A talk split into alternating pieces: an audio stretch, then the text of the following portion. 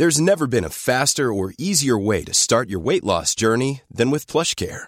PlushCare accepts most insurance plans and gives you online access to board-certified physicians who can prescribe FDA-approved weight loss medications like Wigovi and Zepbound for those who qualify. Take charge of your health and speak with a board-certified physician about a weight loss plan that's right for you.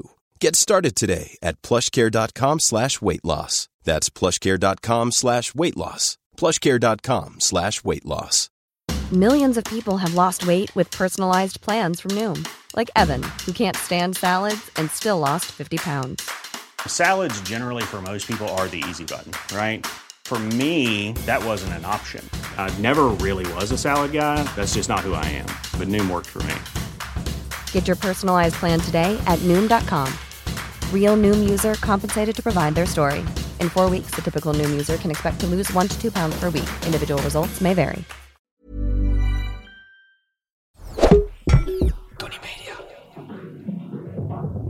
Vandaag in schotschrift Hubert Smeets.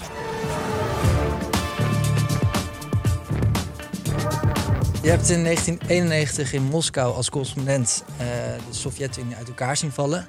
Iets wat de, de huidige president niet kan verteren en nog een trauma aan over heeft gehouden, waardoor we nu in de penarie zitten eigenlijk nog steeds. Eh, je bent columnist voor NRC ehm, en eh, je schrijft boeken, onder andere De Wraak van Poetin. Je bent een van de oprichters van het Raam op Rusland. Kortom, ik neem aan dat we naar het oosten trekken eh, vandaag in de, in, de, in de column. Hubert, we gaan het vandaag over hebben. over de wijze waarop Nederlandse intellectuelen naar het oosten kijken. Dus het gaat over het oosten, maar ook over onszelf. En waarom is dat juist nu relevant? Omdat er in Nederland heel veel mensen zijn die na zes maanden oorlog in Oekraïne het wel welletjes vinden en weer terug willen naar de gewone orde van de dag. En dat gaat niet gebeuren, is mijn voorspelling. Lijkt me heel relevant en lijkt me ook heel logisch en evident dat we daar nu over moeten hebben. Dus spring op die zeepkist. Hij staat klaar.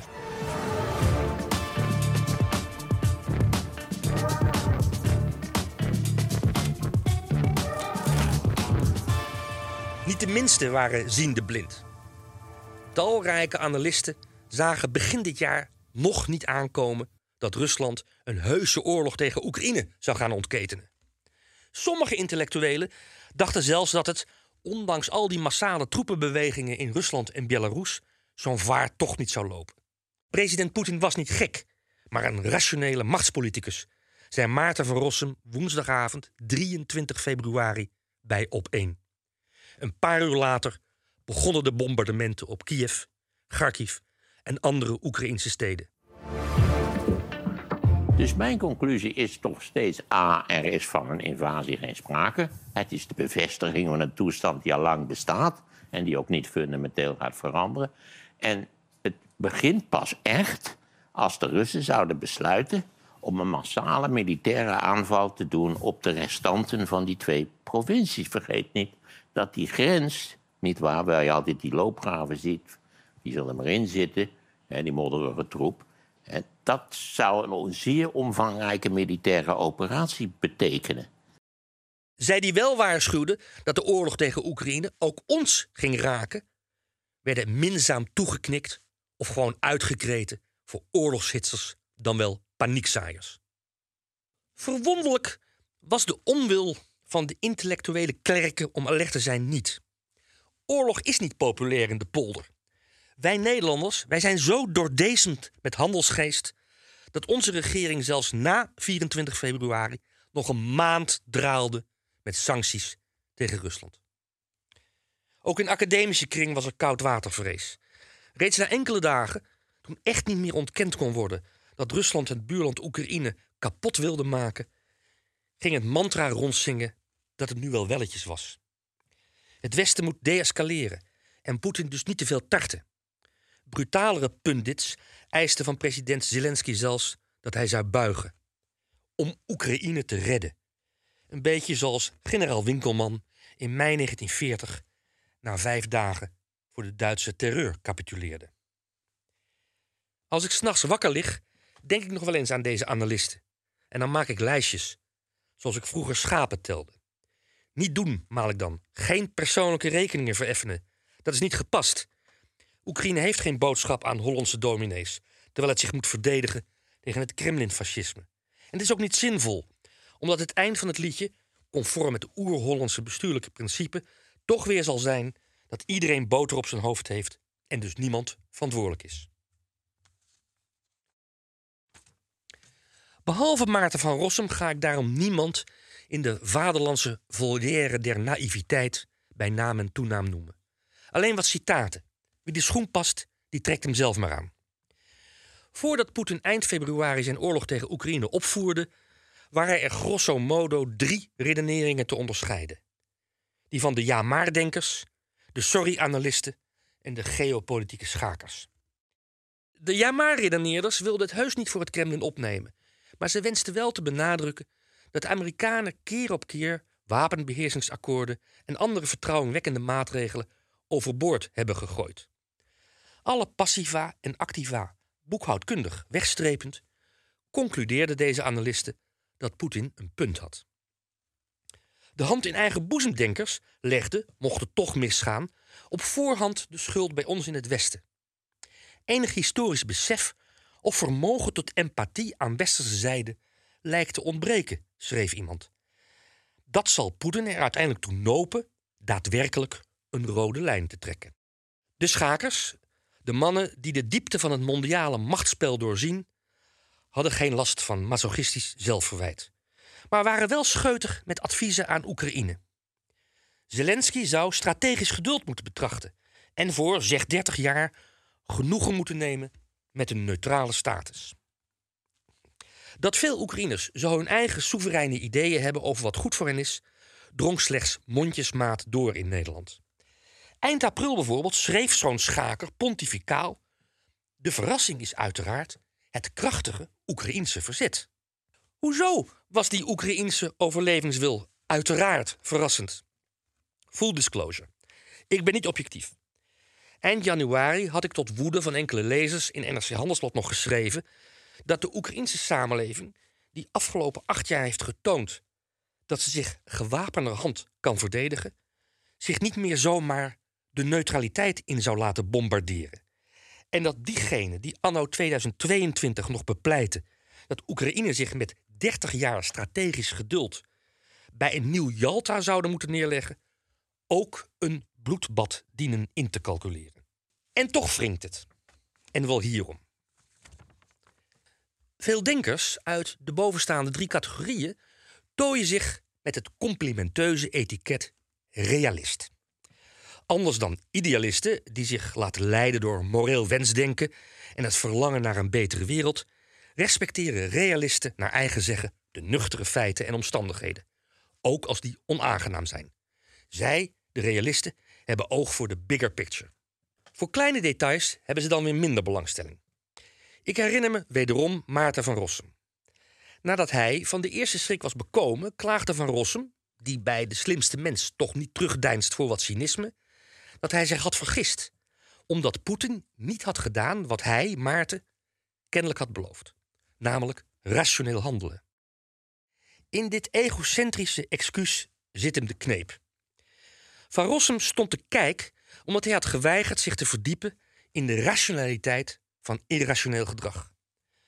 Zoals andere realisten zich schromelijk vergissen in de Oekraïnse weerstand, omdat ze eigenlijk zich nooit hebben verdiept in de historische, sociologische en politieke eigenaardigheden van Oekraïne. Een van de meest hemeltergende consequenties van die bijziendheid is dat een aantal clichés over Oekraïne steeds te pas en vooral te onpas wordt opgedist.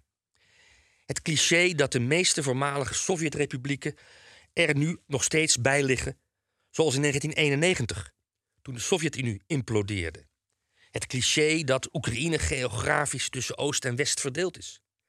Het cliché dat er een scheidslijn loopt tussen de Russisch sprekende internationalisten en Oekraïens sprekende nationalisten.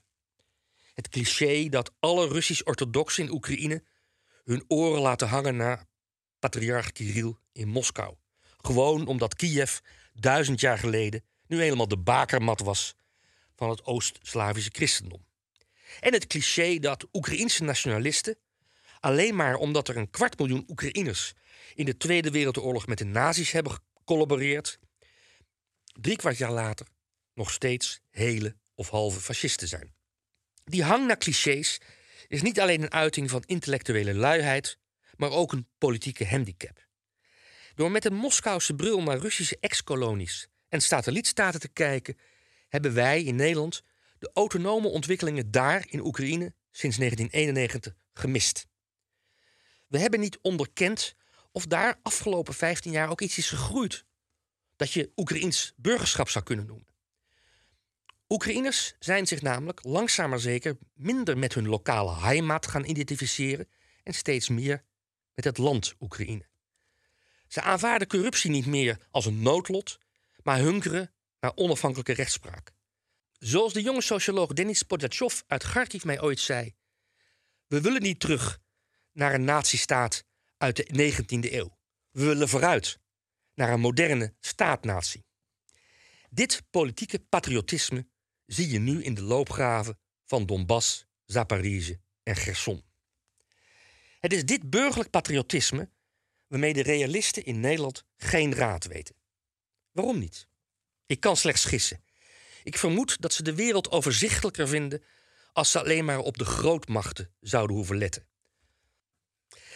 Zoals Henry Kissinger een halve eeuw geleden een voorbeeld nam aan graaf von Metternich, die in 1814-1815 Europa verdeelde zonder acht te slaan op de kleinere volken, zo willen de wannabe Henrys van nu zich spiegelen aan professor John Mersheimer, een politicoloog uit Chicago die het Westen de schuld geeft van de Russische invasie.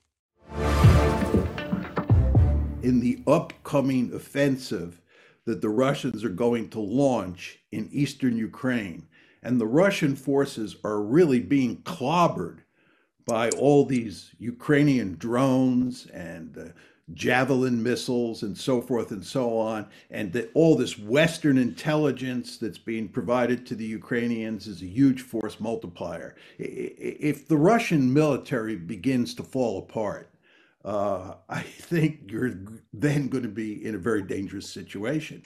Deze zomer zat ik op uitnodiging van het tijdschrift Argus tegenover de filosoof Andreas Kinneging uit Leiden.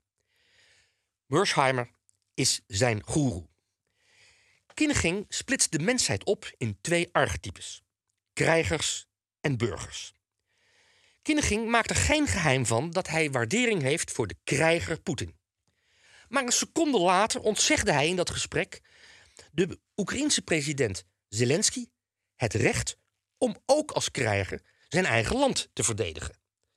Kinneging zei: Als je in de hoofdklasse speelt, moet je niet tegen een club uit de eredivisie gaan voetballen. Wij hebben ons in 1940 ook neergelegd bij de Duitse overmacht. Want, aldus Kinneging, natuurlijk zal Poetin deze oorlog gaan winnen. De meeste andere realisten verlangen slechts naar rust en regelmaat. Vandaar hun mantra: ik veroordeel Poetins oorlog, uiteraard, maar puntje, puntje, puntje. Former U.S. Secretary of State Henry Kissinger is drawing major backlash from remarks that he made about Ukraine at the World Economic Forum. Kissinger suggested that Ukraine cede territory to make peace with Ukraine. With Russia. But Ukrainian President Volodymyr Zelensky also addressed the gathering and said that Ukraine is fighting to reclaim, quote, all of its territories. Die rust zal hen niet worden gegund. Rusland heeft een oorlog op twee fronten ontketend een genocidale oorlog tegen Oekraïne. Dat land moet worden vernietigd, zegt Poetin zelf. En een politieke oorlog tegen de democratische orde in Europa. En dus ook tegen Nederland.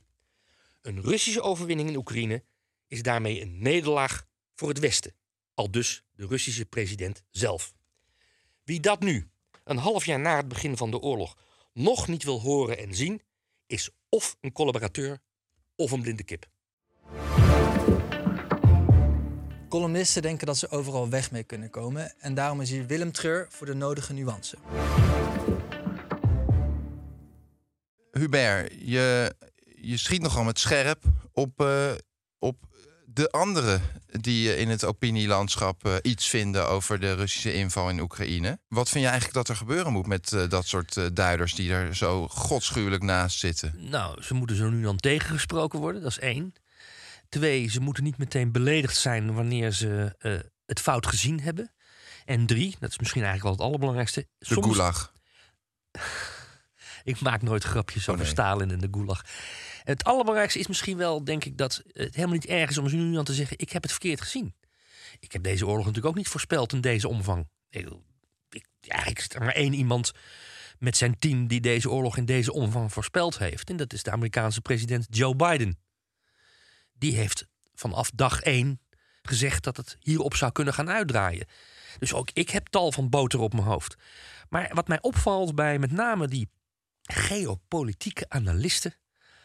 eh, die mensen die vanuit de helikopter eh, naar ons kijken en ons daar een beetje zien rommelen op de aarde.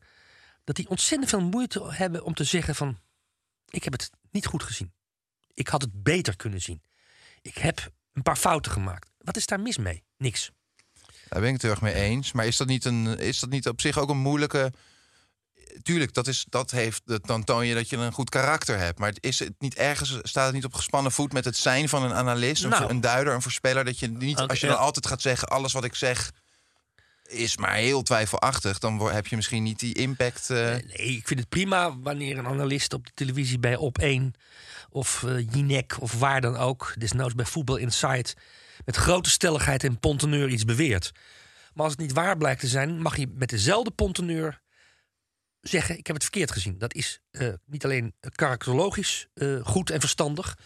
Het helpt ook de mensheid vooruit. Ik wil ze mezelf niet met eh, as over het hoofd eh, st- eh, strooiend verder door het leven gaan. Maar ieder moment, als iedereen die zich een beetje bezighoudt met Rusland de afgelopen 30 jaar, sinds de ondergang van de Sovjet-Unie in 1991, heeft zijn eigen moment waarop hij of zij in de spiegel keek en zei: Ik heb het verkeerd gezien.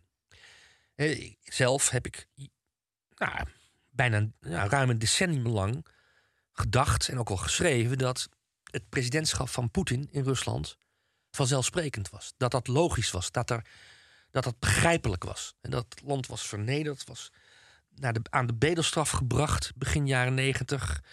Er waren vervolgens oligarchen aan de macht gekomen die puissant rijk waren geworden. Dus is het gek dat er dan een voormalige KGB-agent zijn vinger opsteekt en zegt: Ik ga hier orde scheppen. Dat is niet gek. Pas toen Poetin maar bleef orde scheppen en die orde ook steeds repressiever werd, pas toen, ja, een jaartje of tien geleden, dacht ik van nou nee, nu wordt het niet begrijpelijk meer. Nu is het echt een patroon wat van Rusland een dictatuur kan gaan maken. Maar wat ik daarvoor geschreven heb, zal ik niet ontkennen. Ik heb dat niet zo gezien toen. En nu heb ik eh, een wat sceptischer. eh, Daarna, sorry, en daarna kreeg ik een wat sceptischer idee over Poetin. En sinds hij die oorlog is gaan voeren in Oekraïne, en nu heel grootschalig, sinds februari, ja, eh, is wat mij betreft er geen twijfel meer mogelijk. Poetin is een Russo-fascist. Je haalt eventjes hard uit naar Maarten van Rossum. Nou, dat vind ik heerlijk. En dat zouden meer mensen moeten doen. Maar hoe evident was het nou dat, dat eh, Poetin zou gaan invallen? Het, het voelt voor mij ergens ook als ondanks... Op, die, op die 23 februari? Ja, Oh, dat was volstrekt evident. ja? Ja, op maandagavond 21 februari had Poetin een vijf kwartier durende toespraak gehouden tot het Russische volk. Waarin hij deze oorlog uit en te na aankondigde. Waarin hij een uur lang uitlegde dat hij met hem alle Russen jarenlang vernederd en beledigd en gekwetst waren door ons in het Westen. Waarin hij zei: Ik ga nu die volksrepubliekjes in Oekraïne die zich afgescheiden hebben met onze wapens, ga ik nu erkennen als zelfstandige naties. En dat ga ik doen, desgewenst, met militaire middelen. Dat was maandagavond 21 februari. Is je dan twee avonden later bij op één eh, met ehm, weinig omhaal van woorden, maar met ongelooflijk veel ponteneur roept: Het zal zo'n vaart wel niet lopen, wat Van Rossum heeft gedaan. Dan mag je daarop aangesproken worden. Ook omdat het natuurlijk zo potsierlijk was. Maar is dat ook echt zo als, als, als Poetin dan toch niet had ingevallen? Had Maarten van Rossum dan een column mogen schrijven over Hu- Hubert Smeets? Ja, Van, eh, ja. Ja, had hij mogen doen. Corrigeer me hè, als ik het allemaal een beetje te simpel maak. Maar je kunt natuurlijk echt wel een expert zijn en patronen ontwaren en heel diep in het dossier zitten. Maar er zit toch ook een hele grote mate van grilligheid en, en onvoorspelbaarheid in. Ja, de geschiedenis is één grote opeenstapeling van on, onvoorspelbaarheden. Eh, zoals een Engelse premier ooit zei begin jaren 60. eh, wat is nou het grootste gevaar wat jou bedreigt als politicus, als leider van dit land? Toen zei hij: gebeurtenissen, mijn jongen, gebeurtenissen die je niet kunt voorspellen. Ehm, dus daar, zou je, eh, daar, moet je altijd rekening mee houden. En dat is ook niet erg als je die niet voorspelt, vind ik. Het is ook niet erg wanneer je in je analytische eh, benadering van ontwikkelingen eh, verkeerd zit. Omdat het, zich anders, omdat het anders verloopt dan je van tevoren hebt gedacht. Het is wel erg wanneer je die andere afloop, die andere ontwikkeling, altijd naar je toe probeert te trekken en naar je toe probeert te schrijven. Dan ben ik, vind, vind ik, dan eh, is het van tweeën één. Of eh, je bent niet eerlijk, of je leidt aan een gebrek aan intellectuele discipline. Ik weet niet wat erger is. hey, ik had nog wat, wat serieuzers. Op een gegeven moment zeg je... ehm, van Rossum stond te kijken omdat hij had geweigerd zich te verdiepen in de rationaliteit van irrationeel gedrag. Dat vond ik wel een ingewikkelde Ja. term die je daar gebruikt. Ik kan wel zeggen, ja, ja, ja, ja maar Nee, ik, wat bedoel je ja, eigenlijk ja, mee? die moet ik uitleggen, klopt. Slecht geformuleerd. Geen, geen einddirecteur gehad. nee, wij, en Van Rossum is daar een mooi voorbeeld van... wij in het Westen denken dat onze manier van rationeel denken en handelen... universeel is. Dat iedereen volgens onze boekhoudkunde... volgens onze rekenmethodes politiek bedrijft bijvoorbeeld in dit geval. Dus wij vinden de oorlog die Poetin nu heeft ontketend irrationeel, omdat hij sancties aan zijn broek heeft, omdat de Russische eh, luchtvaartmaatschappij Aeroflot niet meer kan vliegen op Amsterdam, op Frankfurt. En allemaal de schuld van Poetin is. Ehm, dat vinden wij irrationeel, want de schoorsteen moet roken en de Russische schoorsteen rookt nu een stuk minder dan zes maanden geleden, voordat hij die oorlog begon. Dat vinden wij irrationeel. Maar in Poetin zijn ogen is dat helemaal niet per definitie irrationeel. Poetin is uit op wraak. Poetin zegt: Ik leid een vernederd land. Een land dat 30 jaar lang door het Westen is genegeerd en gekleineerd. En de wraak die ik nu ga nemen in Oekraïne en via Oekraïne tegen het Westen, die is in zijn ogen hartstikke rationeel. En in de historische ontwikkelingen van Rusland zijn er meer van dat soort voorbeelden te vinden. Dus de rationaliteit van wat Poetin doet, is een Russische nationaliteit. En dat wij het niet begrijpen, die optelsom, dat zegt iets over ons. Maar niet per se hetzelfde over Poetin. Dat bedoelde ik daarmee te zeggen. Ja, nou dat heb je toch schitterend opgehelderd. Laten we eerst even hier naar gaan. Je haalt het op een gegeven moment, heb je het meermaals over realisten. Doel jij dan ook op de term die, van die eh, zeer rechtse types? Nee, nee, nee, nee. Ik bedoel echt de, eh, de geopolitieke school. Mhm. Dat is een academische school. ehm, die zich baseert op de leer van Henry Kissinger. Die school van, van Kissinger zegt: je hebt grootmachten in de wereld en die hebben invloedssferen. En je moet gewoon kijken naar de belangen van die grootmachten. En daar moet je niet te veel domino's, dominees praatjes op loslaten of andere morele, eh, morele oordelen. Daar moet je realistisch over denken. Een grootmacht zoals de Verenigde Staten, Rusland of China, die hebben belangen en die behartigen die belangen, die verdedigen die belangen desnoods met geweld. Dat is realisme om dat onder ogen te zien. Wanneer je meteen met een wijwaterkwast eh, het goede in de mens gaat proberen uit te lokken, ehm, als ware het elke dag zondagmorgen in de kerk. Als je dat doet, dan ben je een idealist. Dat is leuk. Dan krijg je veel punten voor eh, bij Petrus eh, na je dood. Maar het is geen reële voorstelling van zaken in de hedendaagse wereld. Dat bedoel ik met realisten. De realisten die eh, in hun Twitter.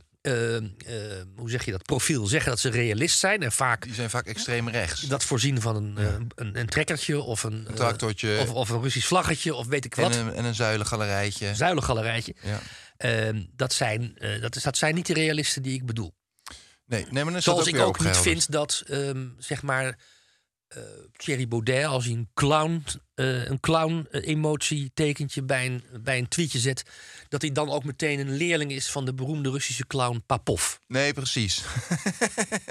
want, hey, want ik had wel nog een dingetje. Ik dacht namelijk, eh, schets je niet al te makkelijk eh, heel Nederland een beetje over de kam van die realisten, die, waar je het zo mooi geduid hebt.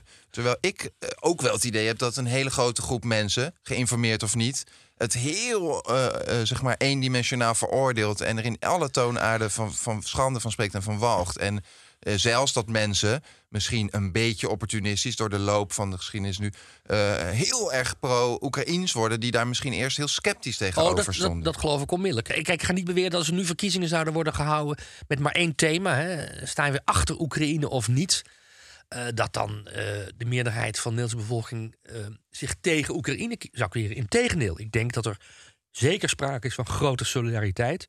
Wat mij dwars zit alleen, is dat in de, je zou zeggen, in de, in de, in de intellectuele groegemeente van Nederland de ontzettende behoefte is om, om van deze oorlog af te komen. Om te denken van, weet je wat, eh, la- laten we na, na de zomer er een punt aan breien.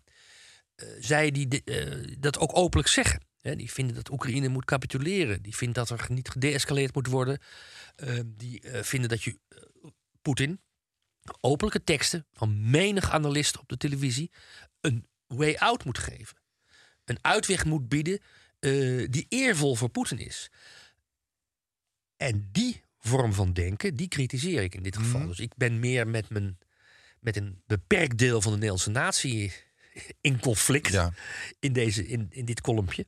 Dan dat ik ehm, de Nederlandse bevolking eh, in zijn geheel zou willen kritiseren, et cetera. Want heb je daar ook gedachten over? Ik, ik, bij mij gaat dus, ik denk dat ik best wel het een en ander gelezen heb, gaat het echt duizelen. Eh, er spelen zoveel krachten, er zijn kernwapens, er is een NAVO, er zijn, het is een andere cultuur die een andere beleving heeft van eer. Er is een hele andere beleving van, de, van alle wereldoorlogen natuurlijk in het oosten van Europa en, en, en eh, met name in Rusland. Hoe, hoe moeten we nou tegenaan kijken, zeg maar, dat als bijvoorbeeld eh, Europa zou zeggen van we gaan gewoon helemaal 100% vol Oekraïne verdedigen alsof het ons eigen land is, zou dat dan eh, een extreme escalatie kunnen veroorzaken? Ja, dat is natuurlijk. En daarom twijfel ik ook. Daarom duizelt het mij ook. Laat ik een voorbeeld geven van een vraag waar ik elke dag iets anders over denk en per dag ook steeds eh, per uur iets anders. Dat is de vraag: moet Rusland nu heel zwaar gestraft worden voor deze oorlog die het heeft ontketend? En hoe ver moet die straf gaan? Eh, met andere woorden, als stel dat, ik denk niet dat het gaat gebeuren, maar stel dat ehm, Rusland zich nu ineens terugtrekt op die Donbass, die oostelijke provincies in Oekraïne, en een daadwerkelijke poging gaat doen om tot een bestand te komen en misschien wel tot een vredesakkoord, waarvan je het gevoel hebt, ook in Oekraïne kunt hebben, daar gaat Rusland zich aan houden. Eh, we kunnen de Russen en het, en het Kremlin en de Russische regering op hun woord geloven. Dat komt tot nu toe niet. Maar stel nou dat ineens eh, de Heilige Geest vaardig wordt over het Kremlin en we eh, Poetin wel op zijn woord kunnen geloven. Dan nog rijst de vraag: moet je dan zeggen, nou, zand erover tegen Rusland? Of is er vanuit Nederland en vanuit Duitsland en, en, en de andere westerse landen dan toch ook de noodzaak om te zeggen: nou, we moeten de druk wel een beetje op de ketel houden. We moeten, we moeten eh, niet dat is loslaten. complex, toch? Het is hartstikke een complex. En soms als ik wakker word, denk ik eh zand erover. En s'avonds uh, tussen de middag denk ik van... Nee, dat is escalerend. Want wat vind je van deze vergelijking? Het schiet nu mij heel erg te binnen dat, zo heb ik het altijd op school ook geleerd. Dus na de Eerste Wereldoorlog werd Duitsland heel extreem onder de duim gehouden. En toen werd er schijnbaar na de Tweede Wereldoorlog gedacht van nou die tactiek eh, creëert weer een, opnieuw een soort vacuüm. En dan is iedereen daar slechter mee af. Dat land moet uiteindelijk ook toch weer hulp krijgen en op kunnen eh, ja, groeien. nou, dat hebben we met Rusland. Voor een deel is dat in, gebeurd in de jaren negentig. Misschien niet voldoende. Eh, het is zeker zo dat het Westen in de jaren negentig ten opzichte van Rusland... Hè, want Rusland had door het verlies van het oude Sovjetrijk... natuurlijk een nederlaag geleden. Ja. Een geopolitieke nederlaag geleden. Het Westen heeft natuurlijk tal van fouten gemaakt. In de jaren eh, negentig zeker, maar ook daarna, begin van deze eeuw... rond de Irak-oorlog bijvoorbeeld. Eh, de toenmalige Amerikaanse president Bush Jr. heeft werkelijk Poetin in de kou laten staan. Dat zijn allemaal enorme fouten waar je op mag terugkijken met schaamte zelfs. Maar zeker moet je daar lessen uittrekken. Ehm, maar het voorbeeld wat jij noemt als over Duitsland na de Tweede Wereldoorlog.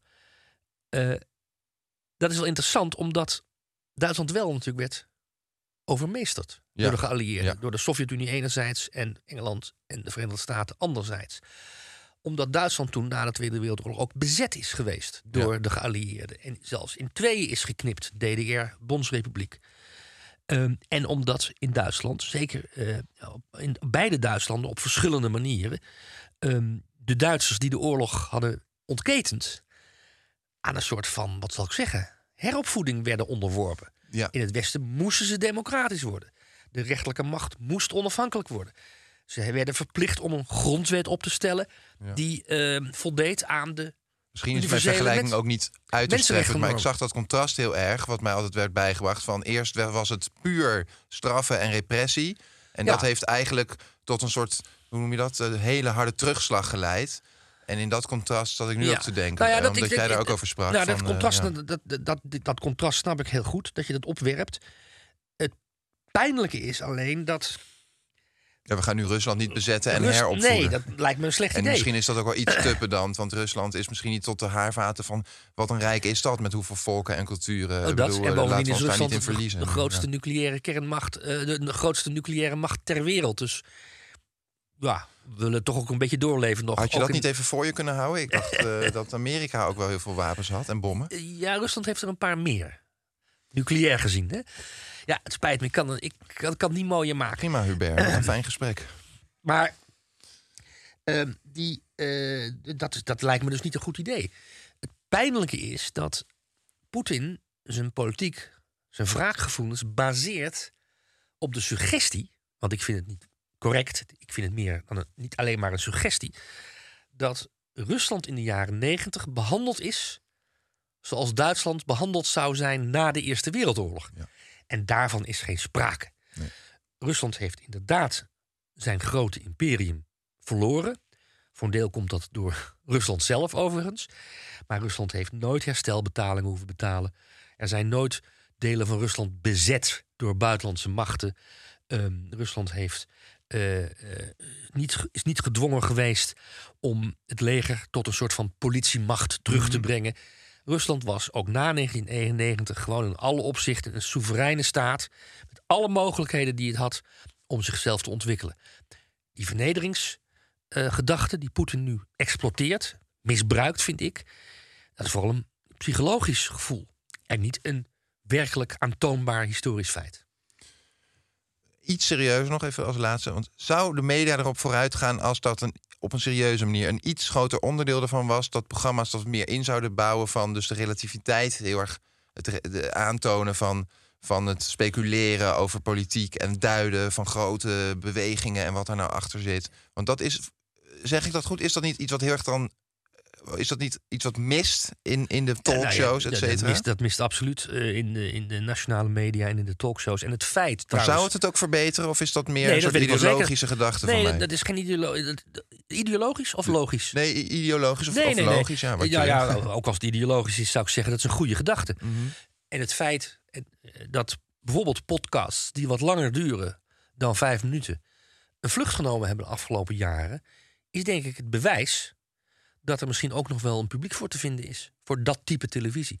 Maar ja, eh, we leven eh, al hele enige tijd in een soort van cyclus waarin alle formats op elkaar lijken en ook steeds meer op elkaar gaan lijken. Dus het zal echt enige dapperheid vereisen van bijvoorbeeld de publieke omroep of de commerciële omroep om zoiets te maken. Maar ik En zou... blijven mensen meewerken als ze erachter komen dat ze soms eh, ter verantwoording worden geroepen? Nee, ja, maar- nou ja, als ze erbij mogen zijn en ze mogen ver- verdedigen, Ja, dan is er volgens mij niets tegen dat type reflectie achteraf. Hubert. eh, zou ik je heel erg hartelijk mogen bedanken voor mijn eerste geopolitieke interview uit mijn leven en carrière. Eh, je- je- Daar mag je me voor bedanken. Nou, dan het wel doe- erg veel eer. Dan, dan doe ik dat nog wel een keertje. Prima. Hoi. Bedankt Willem voor de schoten, vooral bedankt Hubert voor de prachtige column. Uh, voordat we eruit gaan, nog even alles samengevat in één treffende tweet. De treffende tweet. Bijna zes maanden is de oorlog tegen Oekraïne nu gaande. In Nederland vinden intellectuelen en andere analisten het nu wel welletjes. Waarom deescaleren we niet? Waarom capituleert Zelensky niet? Wat zijn dit voor blinde kippen? Of zijn ze gewoon collaborateurs? Volgende week, zelfde tijd, zelfde zender. Op Podimo zondagochtend. Rosanne Hertzberger.